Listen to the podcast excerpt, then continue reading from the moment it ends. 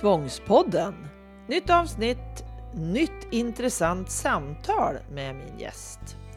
Ann-Katrin Noreliusson heter jag, driver Familjebalans, Tvångspodden och OCD-hjälpen för dig som har någon med tvång i din närhet.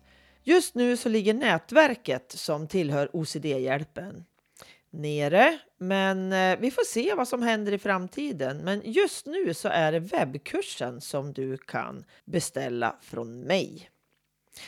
I det här avsnittet så är det Nikolaj som är min gäst och vi lärde känna varann när han blev medlem i OCD-hjälpens anhörignätverk. Hans son var fem år då och uppvisade mycket tvångsmässighet. Nu, tre år senare och efter det att vi har spelat in vårt samtal så har sonen äntligen utretts och det visade på OCD, ADHD i kombinerad form samt autism nivå 1 med extremt hög begåvning. Och de föräldrarna här, alltså Nikolaj och hans fru, de har själva gjort ett jättestort arbete med att begränsa sonens tvång och det har gett ett jättebra resultat. Om du inte beställt boken som jag har skrivit, Tvång en guide för dig som anhörig än, då är det dags. Den finns att beställa från mig och även på webbokhandlarna. Den finns på biblioteket och numera så finns den också som ljudbok. Men jag tycker du ska ta och lyssna på den eller köpa den för dig som behöver en, en hand att hålla i. För det är den verkligen. Jag har gjort den för dig som har någon med tvång i familjen. Sen har vi ju då webbkursen via tvång i familjen. Hur gör jag då? Där finns det också möjlighet att få förkovra sig i tvång hur du ska förhålla dig som anhörig och vad det finns för hjälp att få. Och jag tar också emot enskilda samtal för dig som är anhörig till någon som har tvång och att du behöver stöd, vägledning och tips. Och nu i sommar så fortsätter jag som vanligt så att det går jättebra att höra av dig till mig. Och det är alltså sommaren 2023 jag pratar om nu. Tillsammans så skrotar vi skammen. Välkommen till Tvångspodden!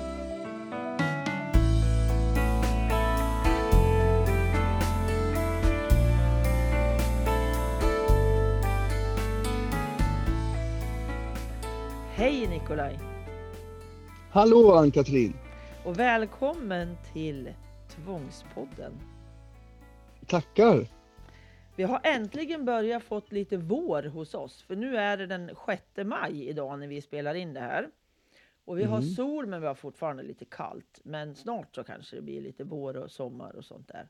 Men du Nikolaj, du är ju med nu här i Tvångspodden för att du har ett litet barn. Han är kanske inte så liten längre, Mm. men när vi började ses genom OCD-hjälpen för anhöriga i nätverksdelen där, då var han inte så stor. Och det är lite det vi ska prata om, hur det har varit för er att ha då ett litet barn som har börjat tvånga ganska tidigt. Men allra först, Mm. berätta lite om vem är du Nikolaj?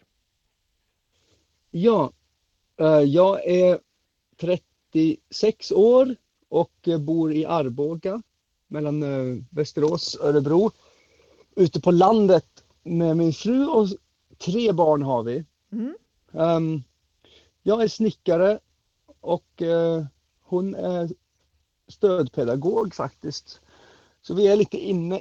Ja, innan har jag kört buss också i tio år innan jag sadlade om. Och då körde jag mycket um, människor som, med särskilda behov, särskolor och sånt där. Vi hade, vårt bussbolag var, um, hade handikappsanpassade platser och sånt där. Så Okej. vi har alltid på något sätt varit i svängen med människor med, med särskilda behov. Och sen har vi fått barn också Mm. med diagnoser och så.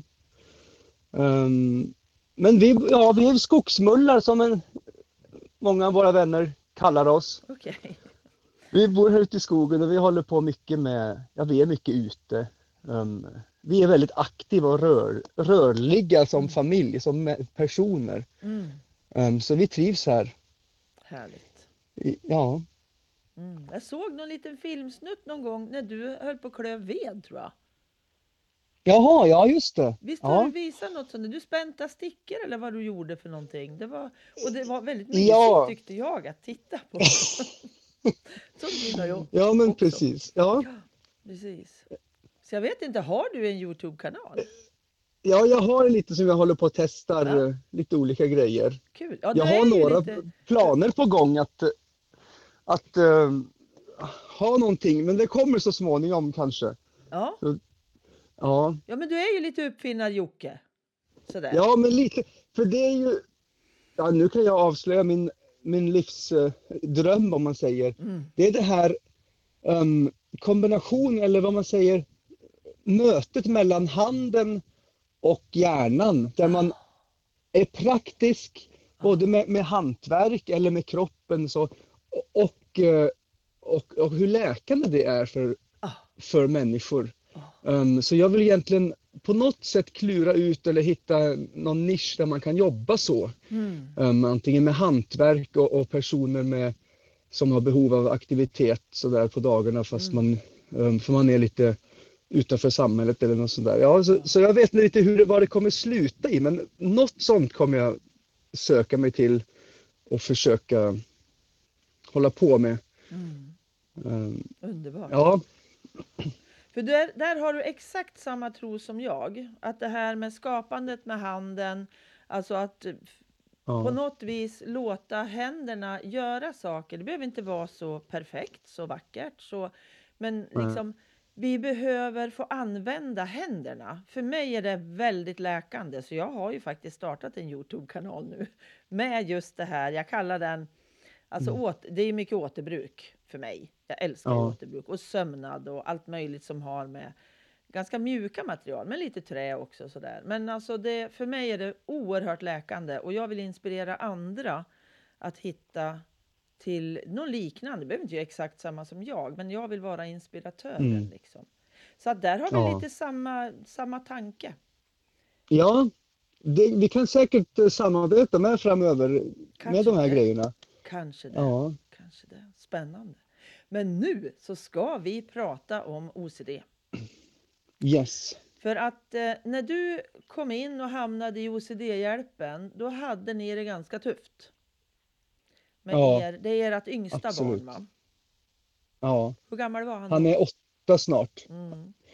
Ja, då var han nyss fyllt fem tror jag. Mm.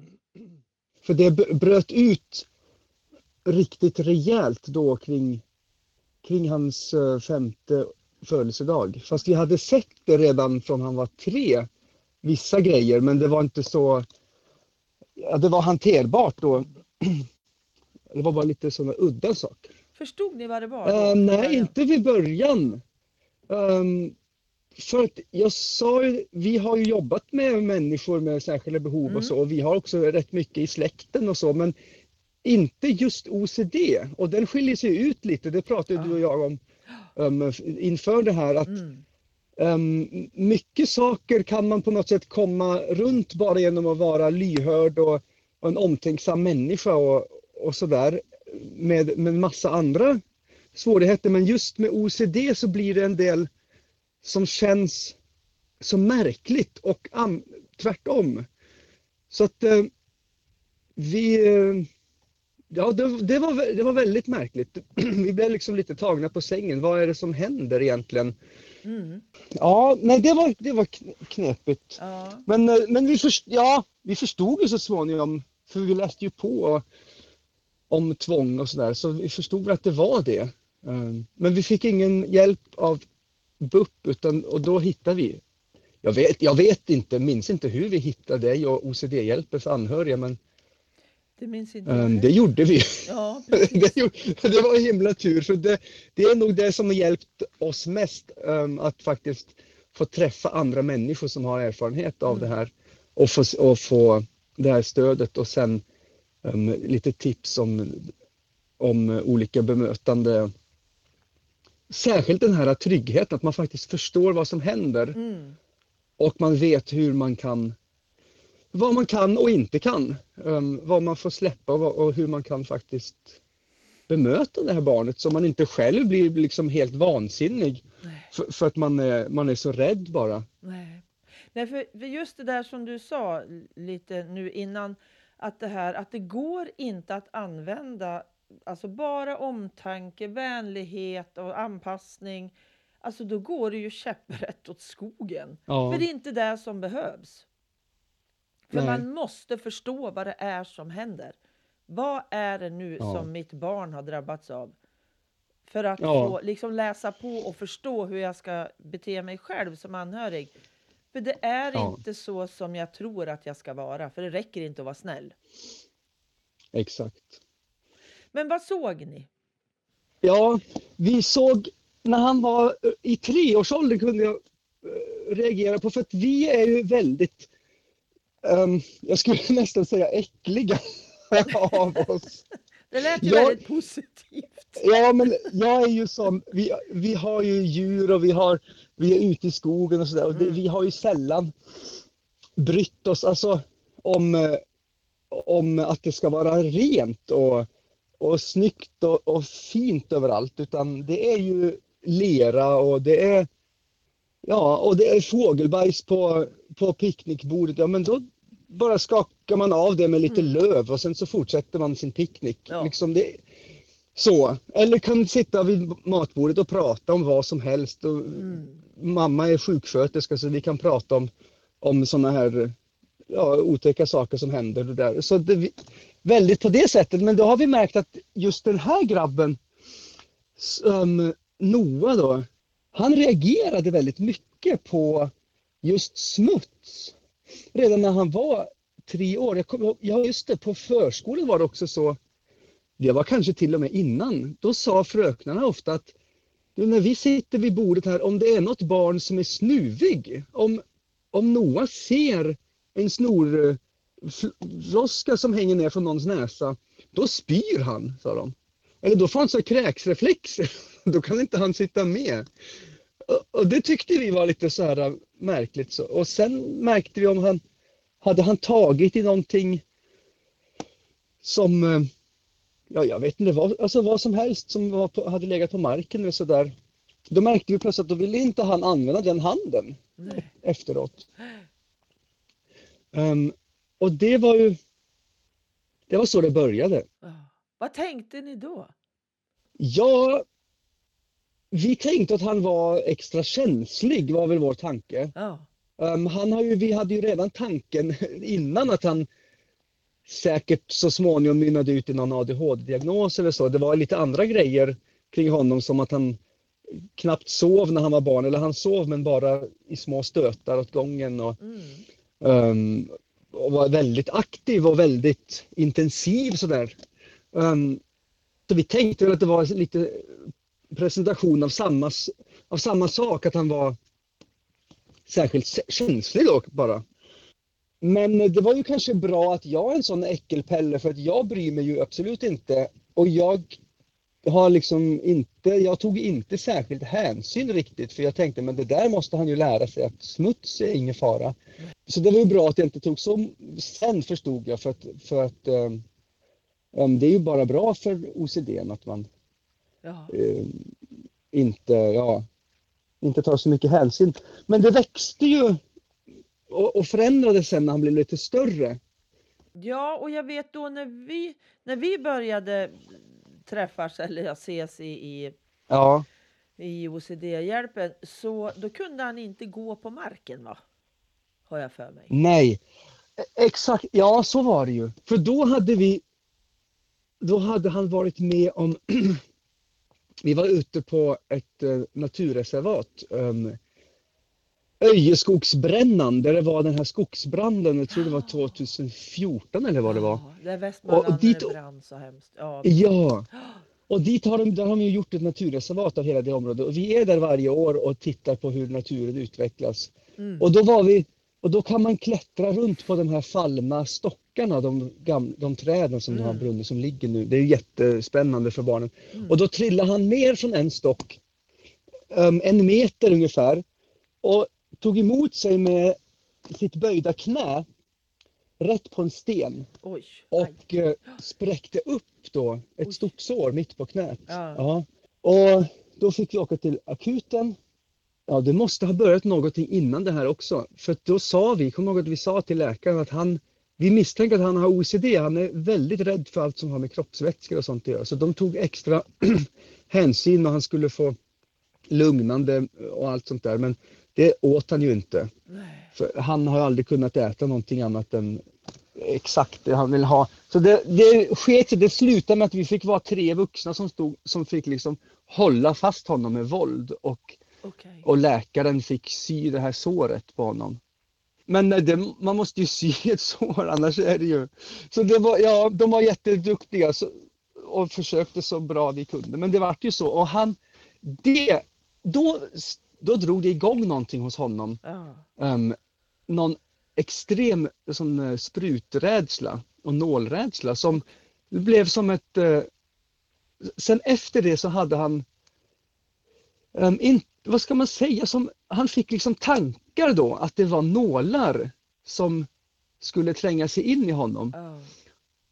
Och av någon orsak så kopplade ihop det till fötterna och knäna. Ungefär som att allt från kroppen som sticker ut var på något sätt känsligt då för att få sånt i sig. Mm. Och då, då föreställde han sig, på något sätt så blev det att om han går på marken så skulle det komma nålar in i honom. Ja. Så han gick inte, han kröp eller ålade sig runt. Det var, ja, ja och jag vet inte riktigt hur det liksom blev logiskt i hans huvud men han var liksom livrädd för att nudda saker med fötterna och handflatorna. Men vet du, OCD är ju aldrig logiskt. Nej, Våran hjärna den Nej. kan hitta på mycket saker. Och tankarna de kommer ju ofrivilligt liksom. De bestämmer vi ju inte över. De kommer ju bara. Nej exakt. Och när man är fyra fem år då, då blir ju, då är ju fantasin helt, helt uh, vild så att Ja, jo så är det. Ja, Det- ja. Ja, så det var väl det. Sen, och då... Orsaken då, det, jag tycker inte om att tala illa om vården för jag tycker vi har fått fantastisk hjälp av vården i Sverige. Både den vanliga somatiska, heter det så, och, och sen även psykiatriska. Men just nu, då hade vi innan det här hade vi just varit inne på en utredning på BUP för eh, autism. Och det är en annan historia men det hade de genom förskolan och så um, har haft resurs och de, först, ja, de tog in en psykolog och eh, tyckte att han behövde hjälp och så blev det en autismutredning som slutade i att han inte fick diagnosen nu men de sa att det här måste vi kolla på igen om, om några år. Um, och det här hände precis innan det här uh, allvarliga OCD slog ut. Okej. Så när vi återkom då så var det någon, det blev antagligen på grund av personkemi och, och missförstånd så blev det som en de tolkade oss helt enkelt som att vi var tjatiga föräldrar som inte accepterade att han inte hade fått en diagnos. Um, men vi, vi sa nu att det har uppstått nya grejer nu, vi behöver hjälp med det här. Ja. Alltså, vi tror att det kan vara OCD. Och vi fick bara svaret om och om igen. Ni har redan varit inne um, på, på utredningen och vi hittar ingenting. Så ni får komma tillbaka om, eh, när han slut, börjat skolan om två år. Oj. Ja, det, det var, och det, jag, jag tror att det var antagligen något, Ah. något personligt som hände med ett par personer just på den avdelningen. Så, Ah. Ja, det är inget kul att säga men då var vi ju då var vi förbannade. Ja, vi höll jag. på hela, hela sommaren och jagade dem och vi ringde till Ja. akuten och sådär. För han, han, kunde, han kunde sitta i timmar och skrika i panik bara för att han var rädd för de här Ja. nålarna. Och, eller för smuts också var det. Då, då slog liksom allt, allt slog ut då. Ah. Så då, då var, hade han ju en lillebror också som är tre år yngre som hade blöja. Och det var ju förskräckligt alltså. Hade lillebror nuddat någonstans då kunde inte han vara där. Helst inte i hela rummet. Och, och andedräkter, du vet. Han kom in till mig, om han kände min andedräkt på morgonen och då var det hela rummet förpestat. Så ibland så satt han uppe på ett skåp i ett hörn i ena änden av huset och hela resten av huset tyckte han var förpestat. Um, ja, så det var, ol, det var outhärdligt. Ja, då, ja. då hittar vi ju till dig på något sätt och, och OCD-hjälpen för anhöriga. Mm. Som du drog igång precis då tror Ja. jag. Och Det var helt nytt då. Och då började vi förstå då, det tog nog bara en träff eller två där, så hade ju vi fått tillgång till rätt material att läsa på och, och plötsligt förstod det här. Och, och det kändes som att vi knäckte den koden väldigt snabbt egentligen. Och sen testade vi de grejerna som vi hade förstått då med um, kring det här och sätta ord på Ja. ångesten och, och tvångstankarna. Och, och det gick väldigt fort. Han hjälpte ju till de stunderna som han inte var i panik så kunde vi ju prata om det här och så bestämde vi att eh, den här tanken heter så, den hette så. Jag tror det var tre. Herr bekymmer var en. Och sen var det ma matdödaren var en, för det, det var en grej han fick om maten, att han trodde att det var hund i maten eller människokött och sånt där. Så han, han, han är ju så himla smart så han tog på något sätt till sig det här Ja. och, eh, och kunde så småningom, inte i början, för det var ju så starkt, fick ju sån extrem panik så han just i stunden kunde han ju inte se det men, men så småningom efter, för de, det varade väldigt intensivt i tre veckor ungefär. Och sen var det ungefär som att han blev så trött och utmattad av det så att hjärnan orkade inte med. Så blev det liksom lugnt en månad kanske eller Ja. något sånt där. Och sen kom det igen som en stöt. Mm. Som skov nästan. Ja. Ja, som skov. Men för varje skov så blev det lite lugnare. För då hade det kändes som att han hade liksom bearbetat och när det kom igen så förstod han så här, okej vi har varit igenom det förr och jag vet att för vi gjorde ju inte, vi anpassade ju i möjligaste mån inte efter tvånget då. Nej. Just för att vi sa ju det, men det här är herr bekymmer som säger att det där är farligt. Eller ja, så det, det kommer vi inte bry oss om, fast vi bryr oss ju om dig såklart Noah. Och sådär. Så han förstod ju det så småningom att ja, pappa kommer inte han kommer inte bära runt på mig till exempel för att, för att, jag, för att jag får de här bilderna att jag inte kan gå och så. Så det blev liksom, ja, Kloka människor hördu. Ni är så kloka föräldrar så det är ju helt otroligt. Åh vad glad jag är att, att det liksom att det fick en vändning. Hur ser det ut idag? Eh, idag, idag är det bättre. Mm. Ehm, ha, vi har märkt att han, när han mår dåligt så kommer det tillbaka på något sätt och sen när han mår bättre så det är ungefär som att det följer lite hans generella mentala ork eller, eller mående så. Så det är mycket bättre, det är det verkligen. Och jag tänker också att som barn så går man ju igenom ett antal här utvecklingsfaser. Och Ja. när det pågår en sån förändring, alltså utveckling, så är han ju säkert skörare. Och eh, då får ju liksom OCDn, då hinner ju den i kapp på något vis och liksom rafsar tag i han igen. Ja, ja precis. så är det ju, både att växa upp och som människa också. Vi är ju skörare vissa perioder och saker som stressar oss, då är det ju lätt att man hamnar tillbaka i eller in i de här sakerna som är svår och har varit Ja. svåra för en liksom med ens psykiska hälsa. Att den svajar ju. Den är ju inte jämn Ja. genom livet och när man är barn är det väl ännu mer svajigt tänker jag.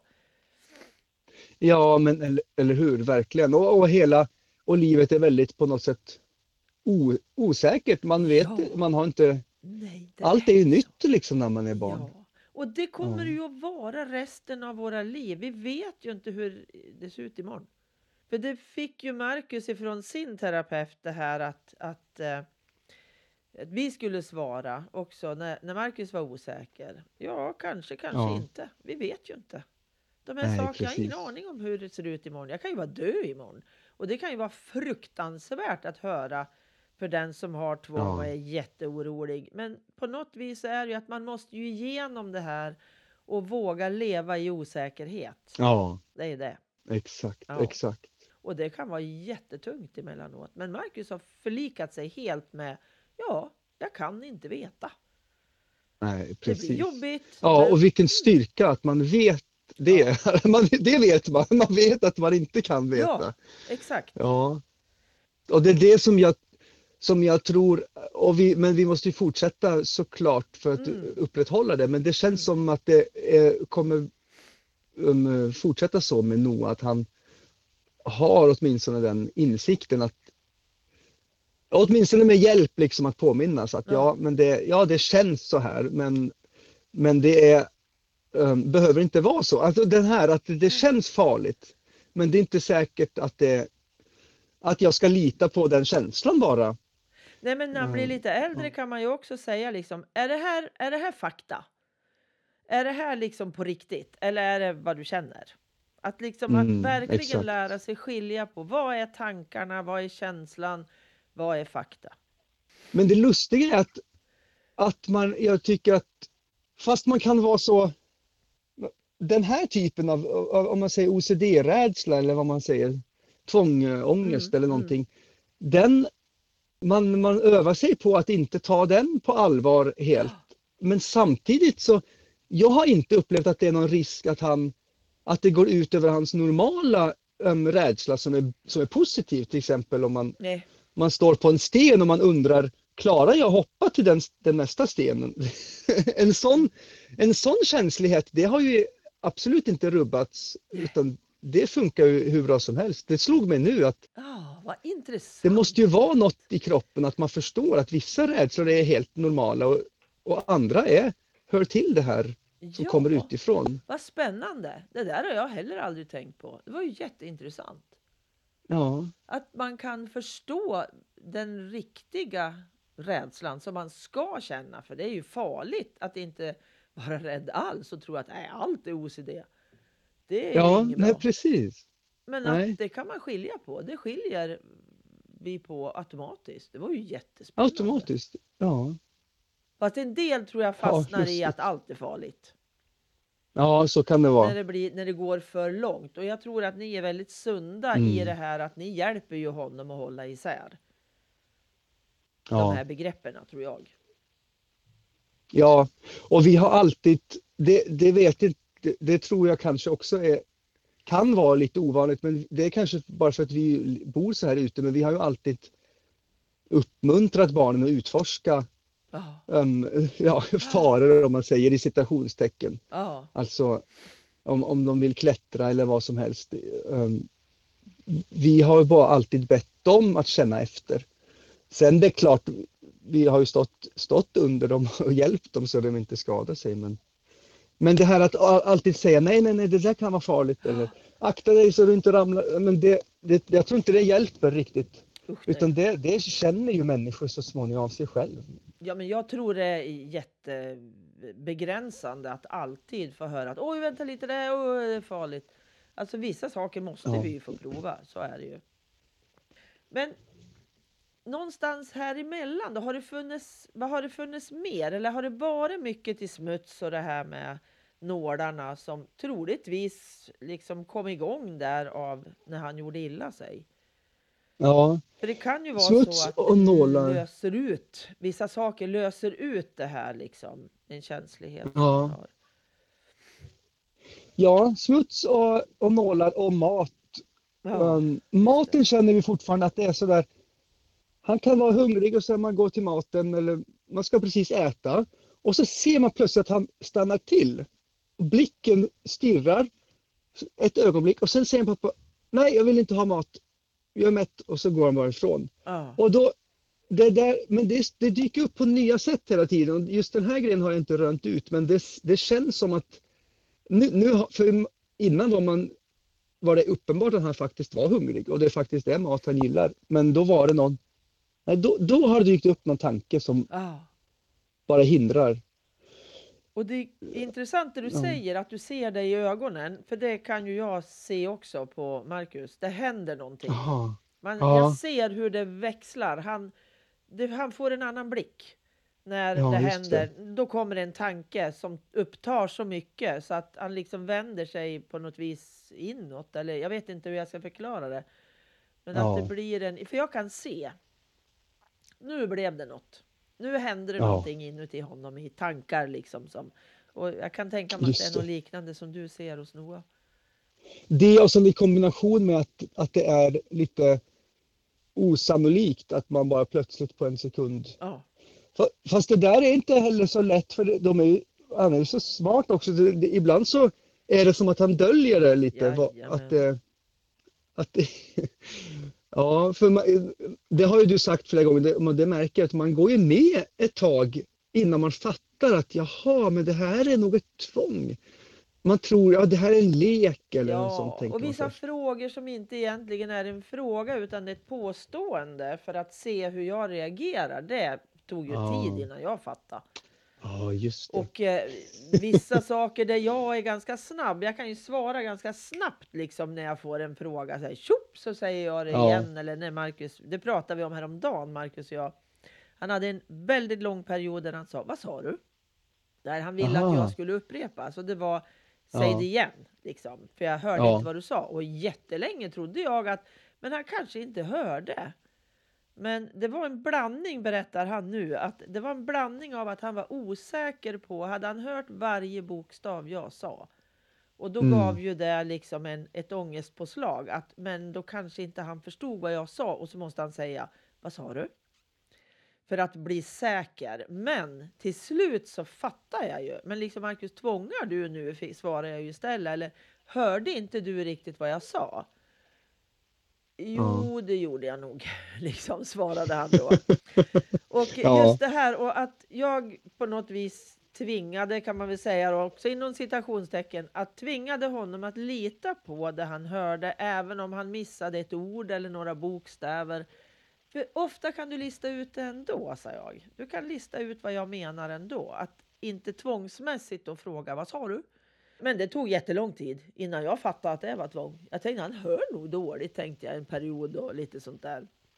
För vi vill ju gärna tro att det är något vanligt och inte tvång. Ja. Liksom. Så att lurad blir men jag ju just- fortfarande. Ja, för tvånget är ju som du säger aldrig logiskt. Så när man tänker vad beror det här på, då kommer man ju på logiska förklaringar ofta.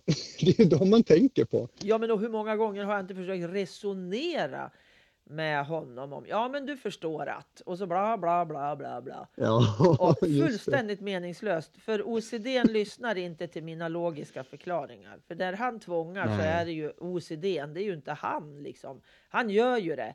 Men han är ju, Ja, han har ju OCD, han är ju inte sin OCD. Det är ju nej, så. Exakt. Det är ju något jag Ja. har.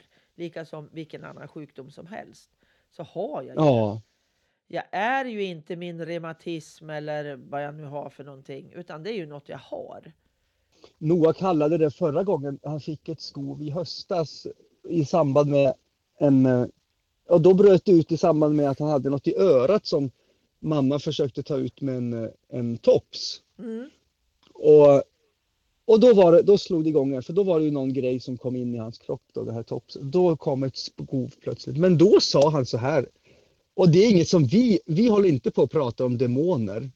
Ja, Inte alls i vår familj. Det är något som de kanske ser på, på, på tv-filmer, Ja. här. Ja, då sa han så här, ja, när han skulle förklara, och tror det var för läraren eller vad det var som hade hänt. Ja, det kommer en demon till mig ungefär, då sa han vartannat år. Och förra gången det var när jag var fem. Okej. Och då, då pratade om den här hemska perioden jag pratade om nyss då. Och, och nu, nu kom den igen och då är det det här och det här. Så han- ser det ju verkligen som att det är något som kommer utifrån. Ja. Ja, och det är ju glad för att han inte tänker att det, att det är jag som blir knäpp eller något sånt där. Utan det är något, det kommer utifrån och, tyck, och ja, Och, ja, precis. Ställer till det för honom. ja. Det är häftigt. Intressant. Ja, men just att skilja på sig själv Ja, och det, det är viktigt så man Ja. har kvar sin självkänsla och sin, ja, sin integritet. Liksom. Ja, och jag ställde ju en fråga häromdagen. Jag vet inte om du är med i den här äh, slutna gruppen på Facebook som heter... Jo, det är jag nog, men Ja. jag ser nog inte Nej. alltid Och allt. där ställde jag en fråga. Vad man i den vad i familjerna vad man kallar tvånget. Det är jättemånga som har ett namn, Ja. precis som ni har. Och det är Ja. vanligt att man kallar det för någonting. Men för hos oss så var det så, Marcus ville inte ha ett namn på sitt tvång. Men jag vet Nej, ju att det är väldigt okej. många som blir hjälpt av det. Att kalla Ja. det för någonting, för då blir det något utifrån. Det här är inte jag. Jag har det här, det är den här vi ska bemästra nu, den här vad nu han kan heta eller hon. Det är ju tyvärr ofta en han. Den får ju ett ha- han-namn på något sätt eller kingen eller bossen eller allt möjligt sånt där liksom. Ja, just det, Kingen, det hade han en som han sa. Han hittade på det namnet själv. Pappa, det här, det här är inte den och den och den. Det här är, jag vet inte vad han kallar honom, tvångskungen eller ki- eller bara Kingen kanske. Ja. Och varför då, sa jag. För den är så stark så att jag klarar inte att övervinna det, sa, jag, sa han. Precis. Och, och då blev jag lite ställd sådär, för jag ville ju inte acceptera tanken att vi inte kunde övervinna den. Men eh, jag, jag, det gjorde jag ju till slut, men då, då, fick vi väl ta, ett samtal. Jag, för, jag accepterade det i stunden, jag, för att jag ville ändå lita på honom och visa honom förtroende. Liksom. Så jag sa, okej jag förstår att det känns så svårt. Så just nu när du känner så, då ska inte jag försöka tvinga dig att Nej gör någon, då var inte det en sån allvarlig sak. Just den grejen var att han inte ville hålla mig i handen. Okej. Just där. Um, utan, och det är den här beröringsskräcken. Det, det har ju också varit ett tema länge. Men, men vi övervann det till slut. Ja, för då, han, har ju varit, han är ju väldigt sån fighter. Han tycker ju om slagsmål och sånt på tv. Och Okej. han vill ju gärna leka sånt med sina kompisar. Ja. Um, att man slåss och har sig. Och då, då drog vi igång det här att eh, det, vi ska ju göra en karatefight mot den här kingen i alla fall och se. Och, och om du nuddar min hand då är det ungefär som att du har slagit den här kingen i magen. då börjar vi så. Och då börjar han ju så småningom nudda min hand för då var det lite spännande.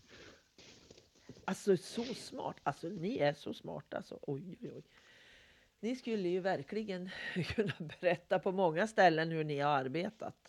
Ja, och jag är väldigt glad för att vi fick komma in till dig i den här podden. För att när vi, ha, när, när vi var i det, för nu pratar jag om det så här, men när vi, när vi var i det, då kändes det ju inte alls som att vi var något smarta. Eller, Nej. det, kändes ju bara, det kändes ju bara ont i magen och, och piss hela tiden. Man kände sig ju sämst och att eh, vi var ju så oroliga i det här, för det kändes, man är så i det och dras med i oron.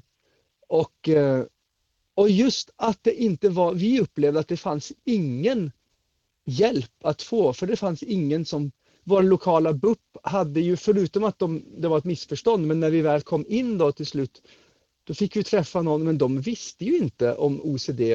De sa precis motsatt av det du nyss sa, den vi fick träffa, sa bara, ja men det är ju bara att tala om för honom att det inte är farligt med smuts. De trodde att problemet låg i att, att, han, att, ja, att han inte visste det. Liksom. Ja, det var en, hel, det var en uppfostransproblem tyckte hon. Men den grejen och sen att läser man på 1177 eller var man än läser om OCD så verkar som att litteraturen är baserad på tonåringar och vuxna. Ja, Jag hittar i princip ingenting om barn. det är jättelite. Jag håller med dig. Det är mycket vuxna. Fast det är så otroligt viktigt att verkligen ställa diagnos tidigt och få hjälp tidigt.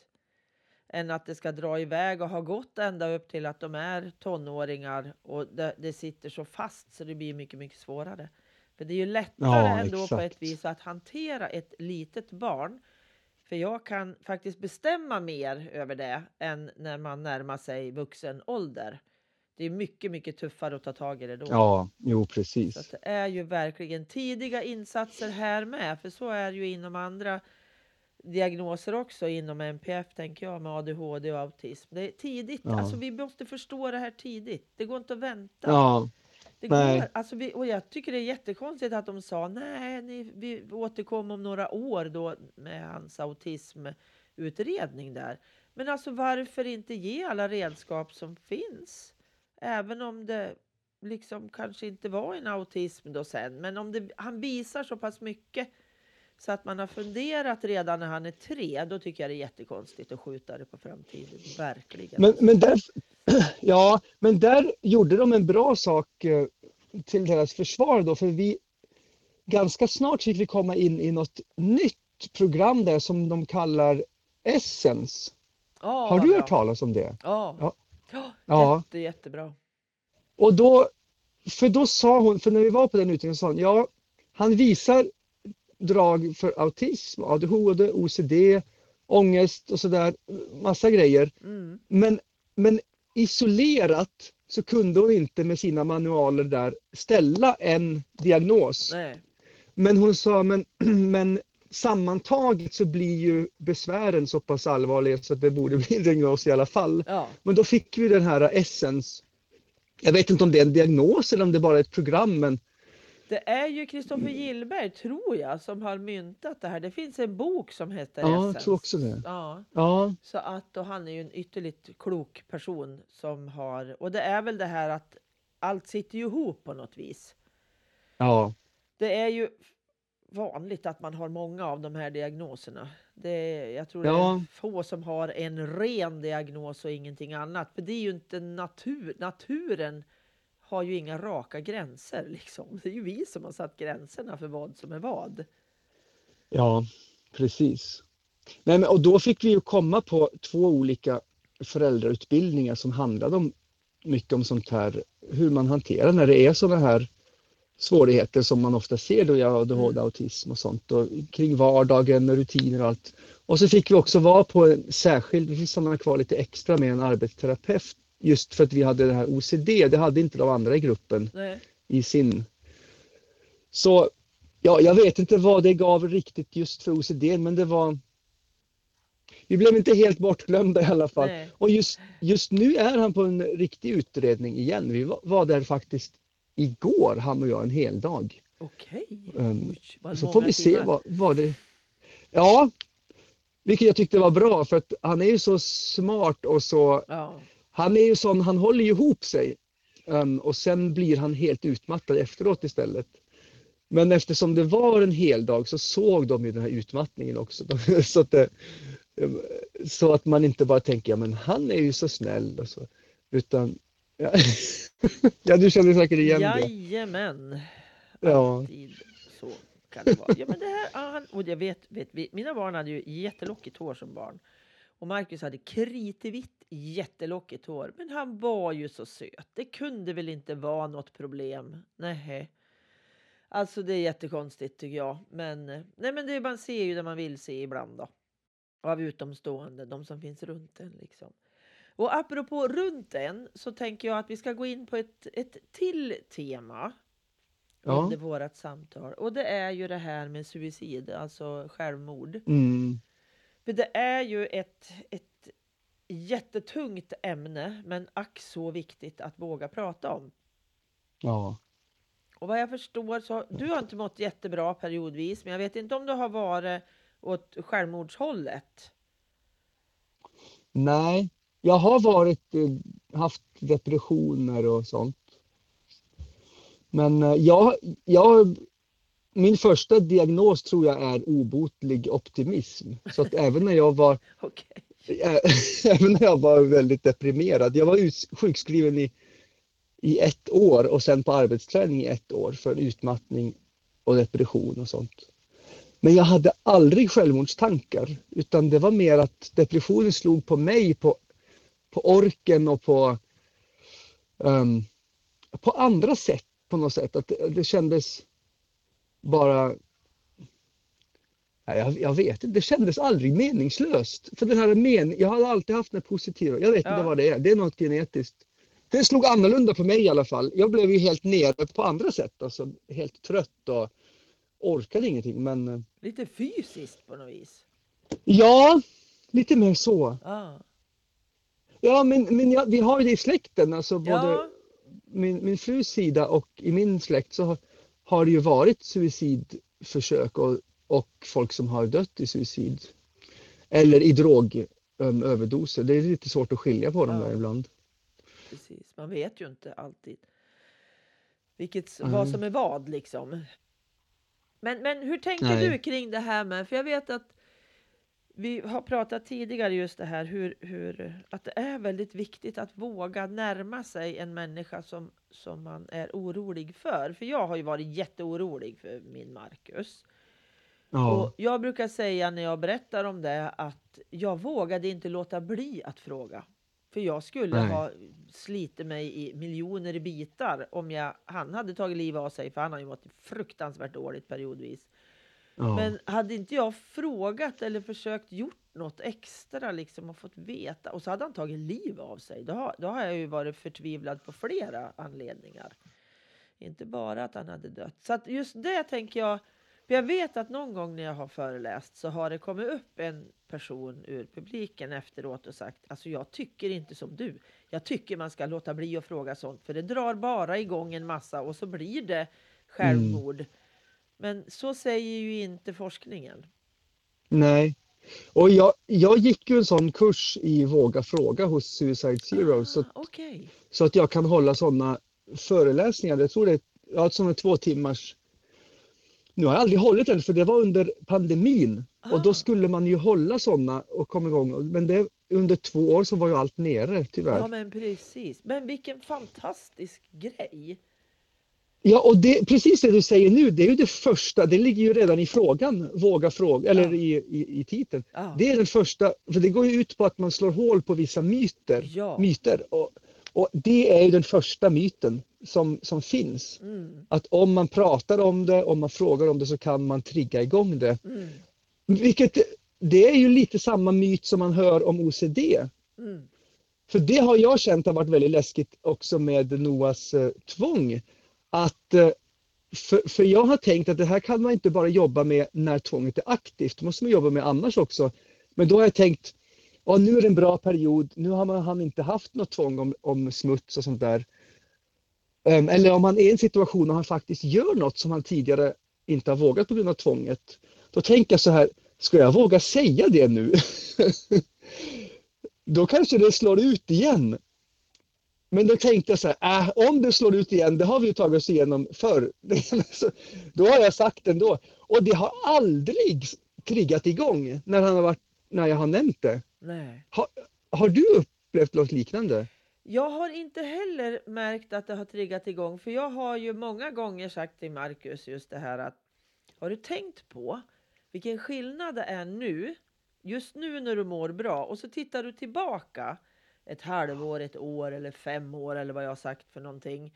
Mm. Att, kan du se då vilken skillnad det är? Hur mycket bättre du mår och att du kan göra mycket mer och så. Och det har aldrig triggat mm. igång någonting hos honom. Jag vet inte. Nej. Alltså det beror väl på hur man säger det också tänker jag. Att man, den där kärleksfulla nyfikenheten som jag alltid förordar. Den ska ju vara utifrån en omtanke och att jag vill väl och det där. Ja. Och att jag, mina frågor och mina kommentarer ska vara från hjärtat liksom. Ja, just det. Så inte att man inte, bara ja, precis. kanske nyfikenhet och rota liksom sådär. Utan att det är med en omtanke. Och, Ja. eh, men jag vet att, att en del på Facebook skriver ju, som jag vet har OCD, och så skriver de någonting. Och så överst så har de skrivit triggervarning.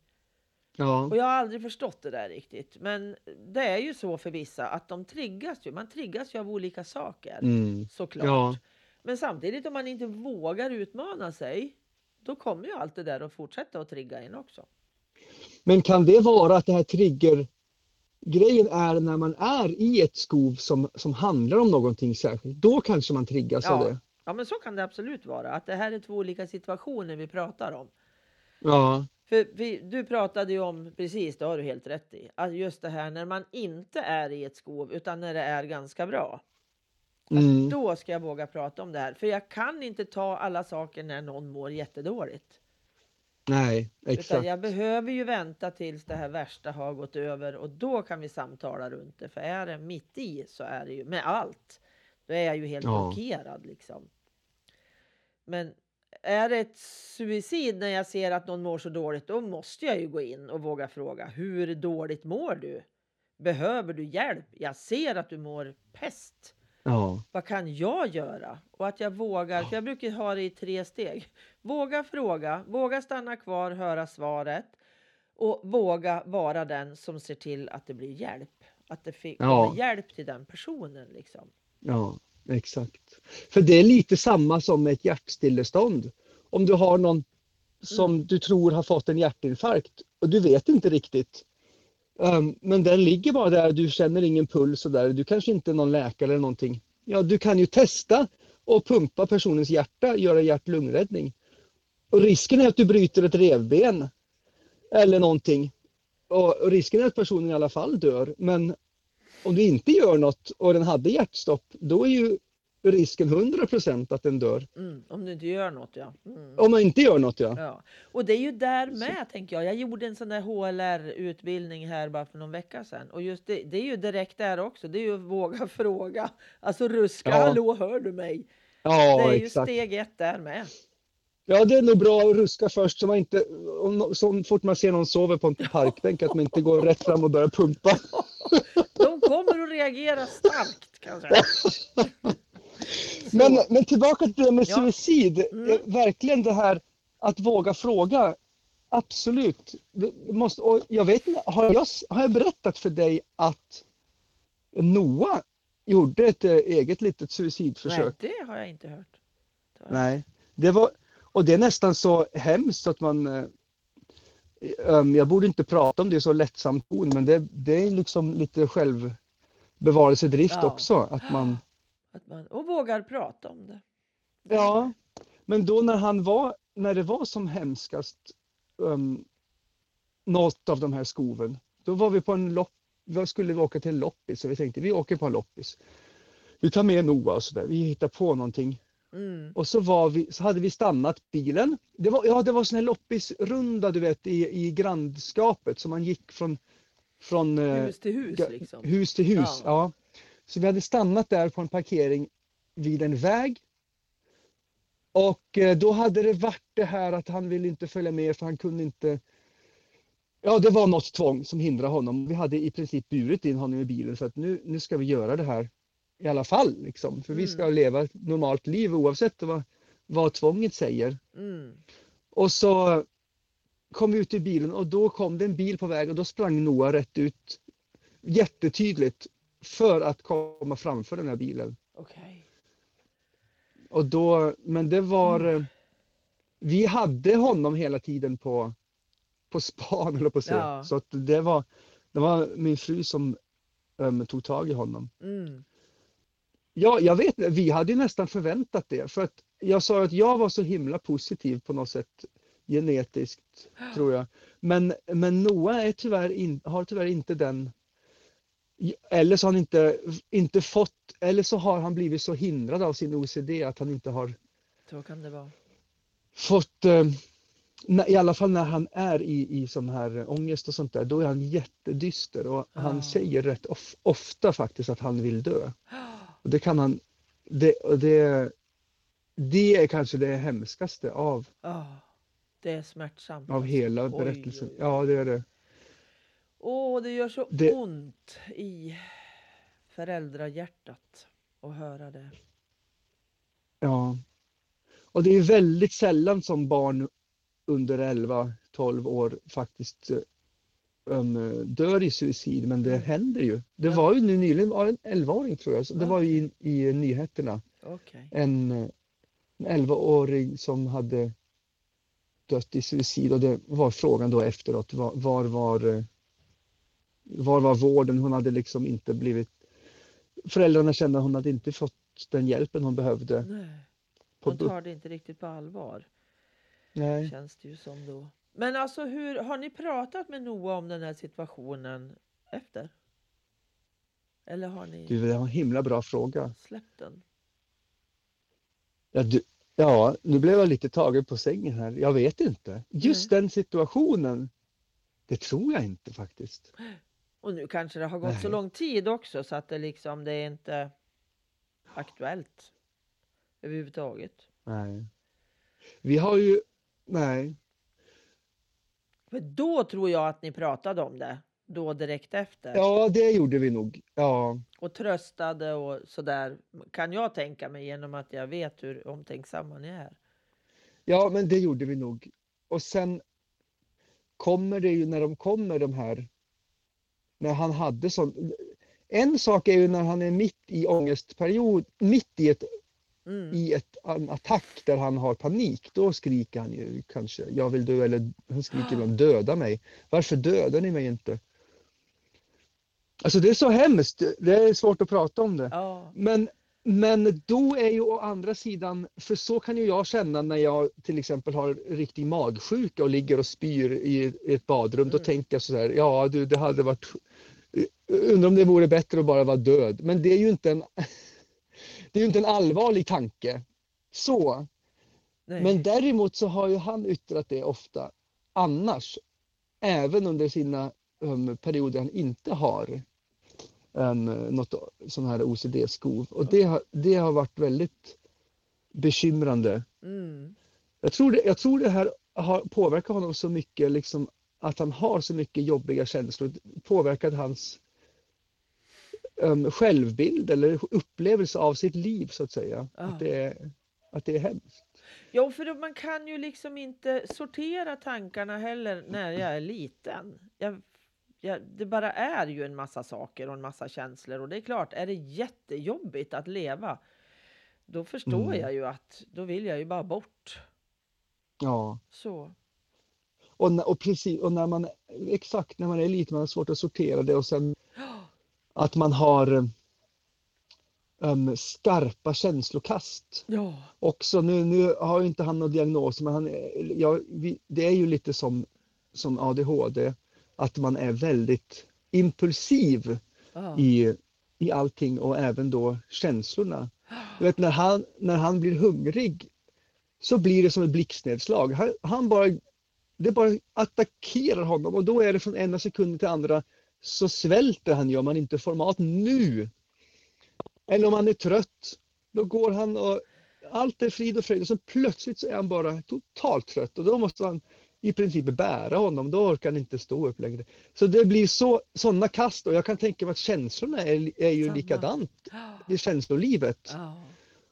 Och då, det, det är en sak vi lärde oss på Suicide Zero att, och som många inte vet, de, de, en väldigt stor del av självmorden är ju inte planerade Nej. utan de är ju spontana handlingar på, som, som sker improviserat i stunden. Ja. Det smäller till bara. Nu orkar jag inte längre. Pang och så. Ja, man orkar inte. Och sen råkar man vara i en situation där, de, där det plötsligt är väldigt lätt. Ja. Där kommer ett tåg eller här är en bro. Alltså, Ja. och man slås av häftiga känslor eller sådär. Det, det är en ganska skrämmande tanke att väldigt Ja. många är så spontana. ja. Men så har jag också förstått det. Det är himla otäckt.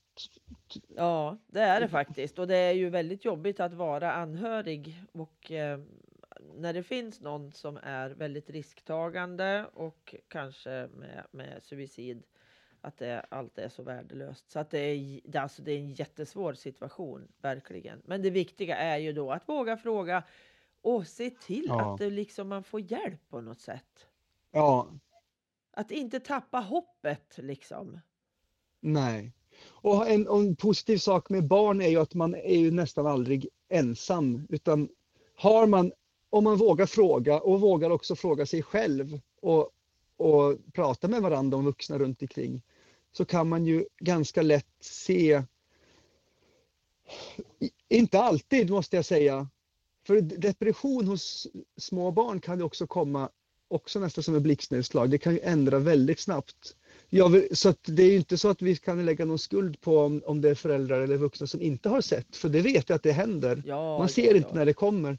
Men om man, ser, om man har ett barn med så, som det är nu då med min son, att det är, man vet att det är sånt, sånt här tungt som man går, då, då, ser, då kan vi ju se till att vi alltid, om man känner att nu, det är en tung period, då är han ju, behöver han ju aldrig vara ensam. Nej, precis. Och det är ju, det är ju bra.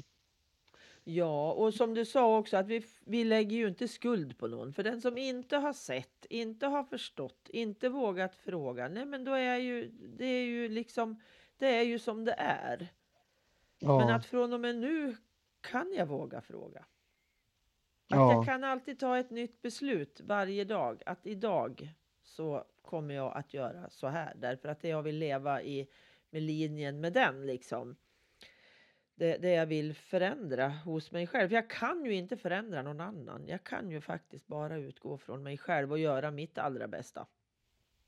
Och du frågade ju om vi hade pratat med Noah om den här Mm. händelsen och det visste jag inte, men däremot om det i allmänhet.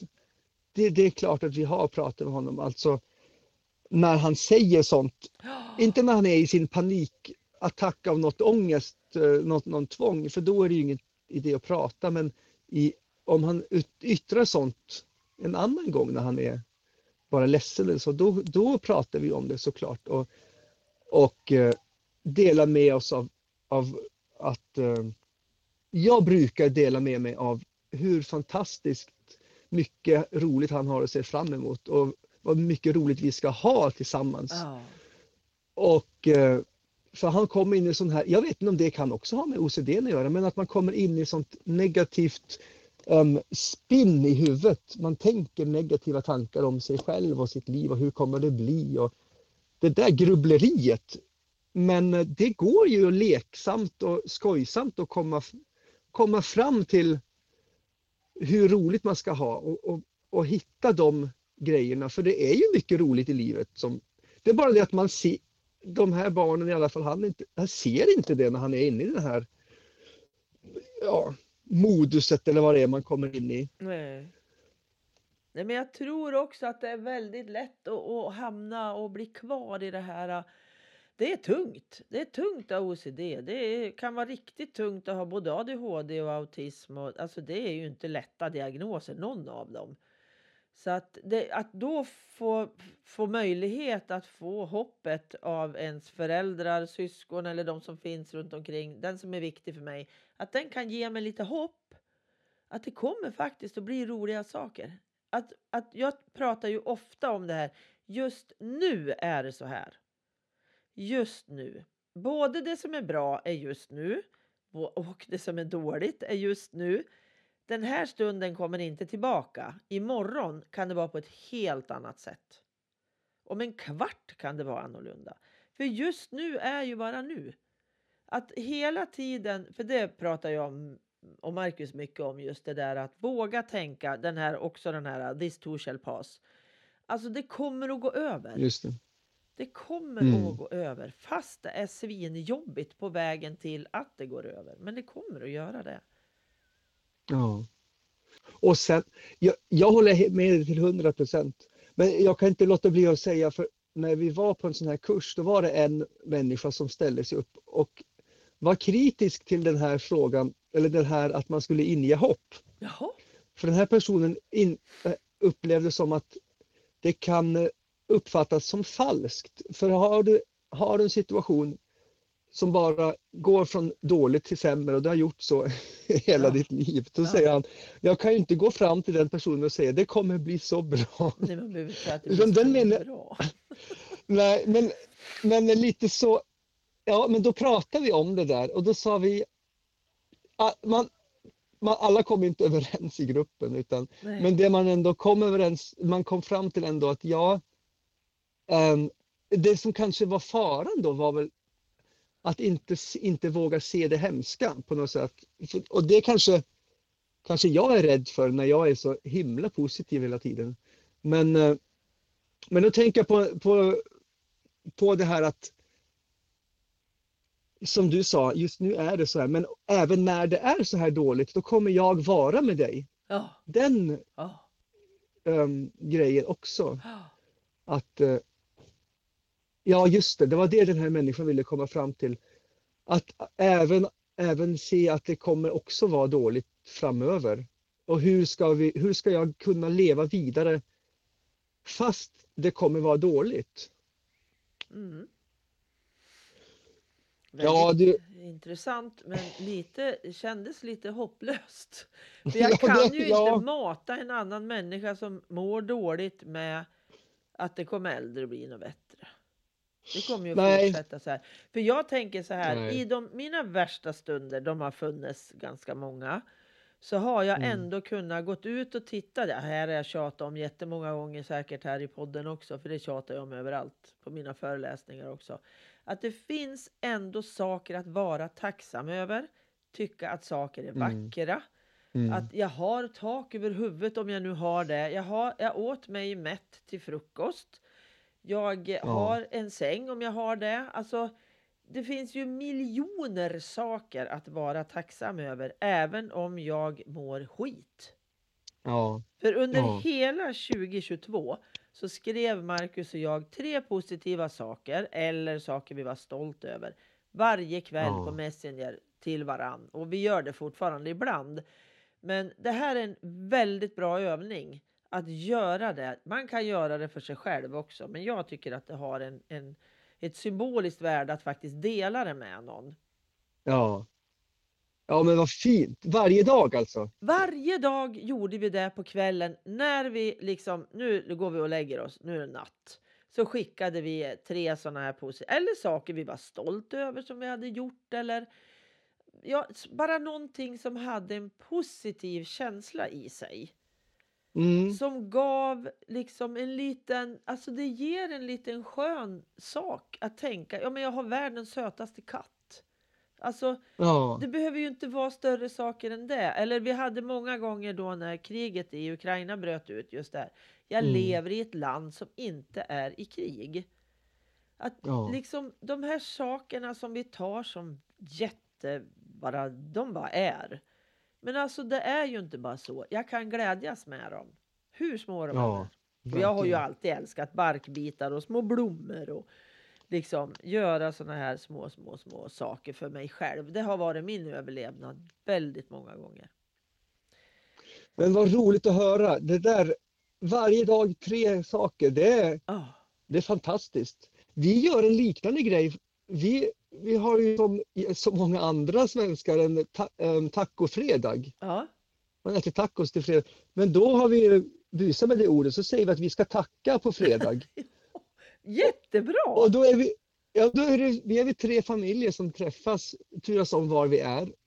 Och då äter vi tacos och sen så går vi en tackrunda och då får alla säga något man är tacksam för. Men vad bra. Det är ju samma.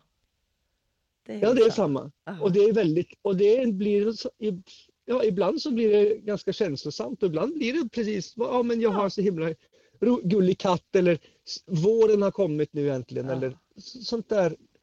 Ja. Det ja men det är värdefullt att, vin, att påminnas. Ja, Ja. Och, och vi har en annan grej när som inte nu vi har gjort på jätte, jättelänge. Då hade vi att Marcus är väl, han är ju väldigt, väldigt, det ska vara absolut korrekt. Man får inte ljuga en enda bokstav liksom. Då blev det Just det. jättejobbigt. Så då hade vi att när vi åt ibland, absolut inte varje dag. Det här har jag fått tips av en kompis som också hade en i familjen som var sådär extremt eh, pedantisk, noggrann och behövde få träna lite på att faktiskt säga en vit lögn ibland. Då säger man tre saker. Två ska vara sanna och en ska vara osann.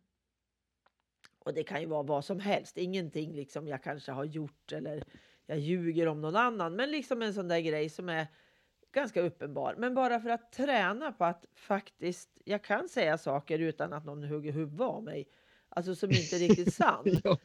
För att många är Ja. jätterädda för att allt måste vara perfekt. Jag får inte ha skrivit ett fel bokstav när jag skriver. Att få träna på de sakerna också.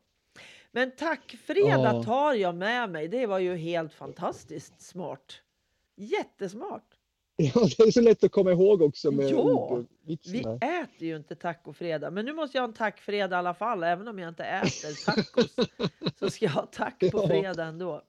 Bra, jättebra. Men det du sa nu med att, Ja. att ljuga sådär på skoj, det, det har ju, jag ihåg min fru berättade när hon var liten så, så brukar hennes pappa säga du, vi är alltid så snälla med varandra och vi bråkar aldrig så nu måste vi bråka lite. Okej. Och så, så sa de, för ha- han kände nog på sig att, att eh, min fru var lite, hon var lite orolig och sådär och inte kanske vågade säga om hon om det var något. Så då fick de liksom skoja fram det där. Och det, det har hon berättat ofta att det kändes så bra. Vad men det-. Jag kommer tänka på det och det är så mycket man kan använda lek till och det är så många saker kring OCD och kring alla möjliga där, där man man klurar, men hur ska vi få till det här och det känns ju svårt och sådär och det är så allvarligt men rätt många grejer kan man ju le, leka fram Ja, och då blir det så mycket roligare. ja. Och humor är så viktigt. Ja, verkligen. Även in i de riktigt svåra stunderna kan jag faktiskt använda humor för att vända på någonting eller jag behöver ju inte liksom driva med någon, det är ju inte det, utan bara att Nej. lätta upp stämningen med någonting och jag känner ganska snabbt om det var fel eller rätt. Det märker man ganska Och dockor, Ja, hand, alltså bara en tumme som börjar prata med den Ja. andra tummen om någonting. jättebra. Eller sådana här grejer. Man kan ta fram rätt mycket Ja, när det är något. det finns så mycket smarta sätt alltså. Verkligen. Ja. Vi får ta något fler podd om det. Alltså alla roliga sätt man kan använda för att förgylla Ja, tillvaron. Men vi ska avrunda Nikolaj. Jag tror att det här blir det längsta poddavsnittet som jag har haft. För det här var så otroligt intressant att prata med dig. Jättekul. Men även om det är så långt, hinner jag säga en sak som tar en minut? Absolut. Jag Prata tycker det är på. viktigt. Det, ja, för, för när du ringde mig och, och frågade om jag ville vara med så kände jag först oro. Men han har ju inte riktig diagnos, tänkte jag. Ja. Och sen slog det mig, nej det ska inte låta hindra mig. För hela tiden vi har hållit på så har jag varit, gått och låtit den här osäkerheten Ja. ta över och tänka, ja men han har inte fått diagnos, tänk om jag bara inbillar mig allting och tänk om det bara är vi som inte fattar, du vet. Ja. Men även om någon som lyssnar har de här problemen och inte har en diagnos, men det spelar ingen roll, ni behöver kunna lita på er själva, det Ja. ni ser och, och, och kunna ta hjälp och, och ja, det är så viktigt Ja. att man inte låser sig på det. Ja. Och den andra grejen är, vi gick också hela tiden och läste och läste och då varje gång man läser om OCD så får man ju höra de hemskaste sakerna. Och det är ju även det vi har berättat om nu, Ja. de värsta, för det är det man kommer ihåg och det är det som blir så uppenbart. Ja. Men, men så vi höll ju på att räkna timmar för det stod ju sådär för att, för att det ska vara OCD så måste Ja, det vara si och så Precis. allvarligt under si och så lång tid och så vidare. Så höll vi på att räkna timmar. Ja, är det verkligen? Nej, men det är också en sån oro. Även, även om man har små problem, men, men de är verkligen de är jobbiga, de, Ja. de stör livet. Men man ska lita på sig själv. Ja. Ta det på allvar och ta, ja, Mycket det vill jag skicka med. Det var väldigt viktigt. Väldigt viktigt avslut. Verkligen. Att lita på dig själv och just det här när man ser att det här hindrar mitt barn Ja, och det hindrar oss i familjen. Vi har en situation som vi lever i som inte är bra. Då måste jag ju tro på det även om jag inte har en diagnos. ja, För då har Exakt. jag ju, och, och likaså när man, om man märker med sitt barn att det börjar, att det förändras. Det blir mer oroligt. Det har svårare att somna kanske. Det vill absolut inte släppa taget om mig. Alltså det, det är ju ett problem. Då måste jag ta tag i det och göra något av det och se vad som händer. Vilka frågor ställer det? Vad är det rädd för? Och lite sånt. Och då ta tag ja i det och verkligen. Fundera, träffa andra, söka till BUP. Eller om det finns familjehälsa. Jag vet ju inte vad allt heter på olika ställen. Och tyvärr så är det ju inte alla som vet vad OCD är inom vården. Så att eh, då får man söka vidare. Och OCD-förbundet kan man s- kontakta. Absolut. Absolut. Och man kan dänga iväg ett mejl till mig också och ställa en fråga. Det går jättebra. Ja. Tusen tack Nikolaj för den här stunden. Tack själv Ann-Katrin. alla kloka ord du har sagt. Det har varit jätte, jättespännande att lyssna. Ja, men tack för att jag fick vara med och tack för allt arbete du har gjort för, för Sverige och Wow, människor med, tack! med OCD och i släkten och allt. Ja, det Ja. känns så viktigt att göra det här så att eh, det är ja, lite av ett kall. Inte kanske bara ett kall, men någonting. Jag känner ju att det är jätteviktigt. Och plus det här att då har inte vårt liv varit bortkastat. Om våra kunskaper, Marcus och mina kunskaper, får komma ut och dina och att jag kan dela med mig av det här, då är ju det värt jättemycket. Ja, verkligen. Men ha det så bra Nikolaj och så hörs vi säkert igen i något annat sammanhang. Ja, det gör vi. Ha det bra. Ha det bra du Hej med. då! Hej då. Berätta gärna om Tvångspodden för andra så även de får lära sig mer om tvång och OCD. Och du kan följa mig på OCD-hjälpen understreck for understreck anhöriga och det är på Instagram. Och vill du ha mina inspirations och informationsmail så ska du stanna till där på familjebalans.se. Lämna ditt namn och din mailadress så kommer mailen till dig. Ha det gött! Hej då!